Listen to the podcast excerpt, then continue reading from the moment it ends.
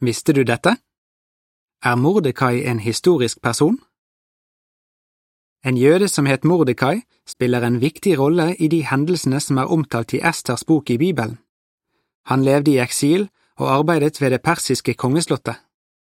Dette var på begynnelsen av 400-tallet før vår tidsregning, i kong Ahasverus dager. Ester 1.1 Denne kongen regnes av mange for å være identisk med Serkses den første. Mordekai fikk satt en stopper for en plan om å ta livet av kongen. Av takknemlighet sørget kongen for at Mordekai ble æret offentlig. Senere, da Haman, en fiende av Mordekai og de andre jødene, var død, forfremmet kongen Mordekai til førsteminister. I denne stillingen kunne Mordekai komme med et påbud som reddet jødene i Perserriket fra folkemord. Noen historikere på begynnelsen av 1900-tallet hevdet at Esters bok er ren diktning, og at Mordekai aldri har levd. Men i 1941 fant en gruppe arkeologer noe som kan være et bevis for at den bibelske beretningen om Mordekai er basert på virkelige hendelser. Hva var det de fant? Arkeologene oppdaget en persisk kileskrifttekst som nevner en mann som het Marduka, en variant av navnet Mordekai. Han arbeidet som forvalter, muligens regnskapsfører, i byen Susan. Arthur Ungnad, en ekspert på orientalsk historie, skrev at denne kileskriftteksten var den eneste ikke-bibelske omtalen av Mordekai på den tiden.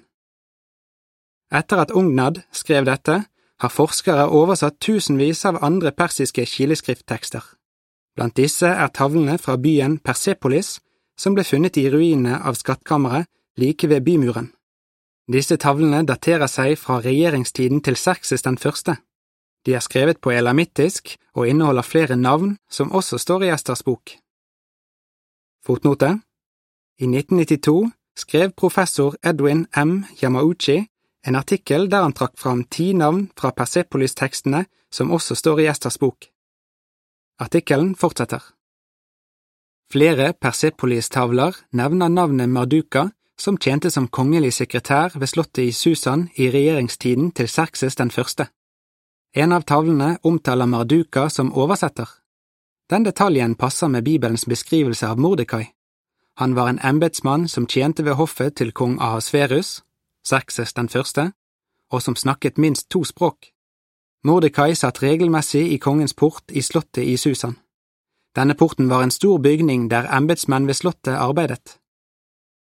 Det er slående likheter mellom den historiske personen Maduka og den bibelske personen Mordekai. De levde på samme tid og på samme sted og tjente i offisielle stillinger på samme arbeidsplass. Alle disse likhetene sett under ett tyder på at de arkeologiske oppdagelsene kan være forbundet med den Mordekai som det står om i Esters bok. Til denne artikkelen hører det et bilde. Der ser vi navnet Mordekai, Marduka, slik det står skrevet i en persisk kileskrifttekst. Artikkelen slutter her.